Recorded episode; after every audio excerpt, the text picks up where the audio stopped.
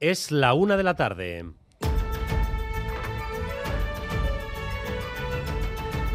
Crónica de Euskadi con Dani Álvarez.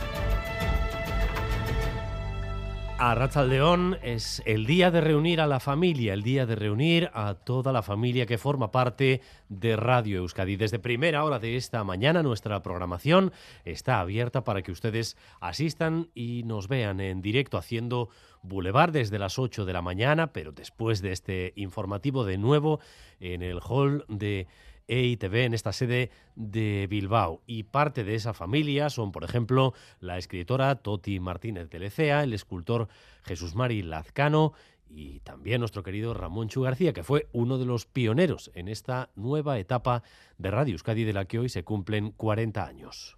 Y entonces pasas a pompas o a grafitis y empiezan a hablar de libros y empiezan a hablar de críticas. Es una herramienta básica y que, bueno, de alguna forma bueno, te ayuda también a, a, ir entendiendo poco a poco lo que te sucede alrededor, ¿no? Uh -huh. Los artistas tenemos la tendencia de aislarnos, la radio es la conexión perfecta para, para saber que, en qué mundo vives. La radio es el medio, la inmediatez, eh, la frescura, eh, la brillantez, la capacidad de improvisación, el saber estar delante de un micrófono, eso solamente lo tiene la radio, ni la televisión, ni mucho menos la prensa, ni siquiera Internet, que vino muchos años después. Son solo tres ejemplos de las decenas de voces que hemos escuchado hasta esta hora en esta jornada de recuperación, de celebración por la recuperación de las emisoras de Radio Euskadi en la actual etapa. Este día de Radio a la Vista va a continuar por la tarde con cultura.eus, con Distrito Euskadi y también dentro de unos minutos con un encuentro con aquellos que forman y han formado parte de la comunidad de Radio Euskadi que tanto ha crecido en los últimos años. Ainhoa Iglesia, eh, justo ahora estamos en la pausa, pero aquí esperamos una amplia representación de la sociedad vasca y por cierto creo que todos quieren la taza conmemorativa, ¿no? Bueno, pues esperemos que haya taza de Radio Euskadi para todos. Todo está ya dispuesto ¿eh? en la sala multibox de esta sede de ITV en Bilbao, donde a partir de las 2 habrá un acto social con el que queremos seguir celebrando estos 40 años. Habrá un pequeño lunch, ya están los refrescos en hielo, por lo que brindaremos por estas décadas y lo haremos muy bien acompañados de colaboradores históricos, compañeros y compañeras, corresponsales, expertos y demás personas que han hecho posible que ofrezcamos tanto información como análisis. Hemos ofrecido Boulevard hoy desde el hall en este estudio maravilloso que hemos montado con público y todavía quedan Quirol al día, cultura.eus y por la tarde Distrito Euskadi, es decir, hasta las 7 de la tarde programas que volveremos a abrir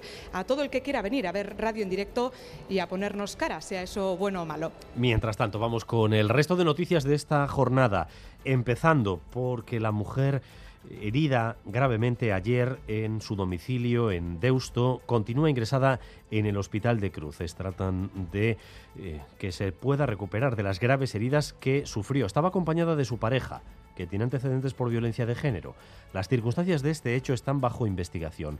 Ayer se afirmó que era violencia de género, hoy la Ertzaintza habla de otra vía de investigación. Irache Ruiz. El arrestado continúa detenido por violencia machista, pero ha sido el viceconsejero de Seguridad el que ha advertido de que comenzada la investigación ahora no se descartan nuevas hipótesis. Rodrigo García. Sí les puedo anticipar que estamos trabajando en nuevas líneas de investigación y que en este momento no se descarta ninguna, ninguna hipótesis. La mujer señaló a su pareja como su agresor. El detenido declara a esta hora ante el juez. Ella sigue en estado crítico en Cruces. Respuesta del consejero de Educación a las icastolas concertadas, a Cristau Escola y a quienes cuestionen los criterios de reparto de alumnos y matriculación. Primero, el 94% de los niños están donde sus familias querían, casi el 98% en primera y segunda opción y no va a admitir órdagos. Con órdagos no ayudamos a nadie, a, ninguna familia y creo que no, no, no nos conviene. Y creo que tenemos que seguir trabajando para que todos nos responsabilicemos de igual manera ante situaciones como en este caso es la que queremos afrontar, es la de la vulnerabilidad. Las comunidades de Asturias y Cantabria luchan contra el fuego de manera desesperada. Hay cientos de incendios activos. La situación se trata de sofocar, pero la multiplicación de focos dificulta mucho el trabajo. Y de nuevo hay que hablar de incendios intencionados. Laida Basurto, Arrachaldeón. Arrachaldeón, la delegada del Gobierno del Principado, ha denunciado que la mayoría de los incendios han sido intencionados. El alcalde de Valdés, una de las comarcas más afectadas, habla de terrorismo medioambiental. El viento de las últimas horas ha elevado a 121 los focos activos en Asturias, 5 25 más que esta mañana y 38 en Cantabria, 20 más que ayer. En Asturias, 375 personas han sido evacuadas y hay varias carreteras cortadas, aunque a media mañana una pequeña llovizna ha permitido abrir la A8 entre Galicia y Asturias.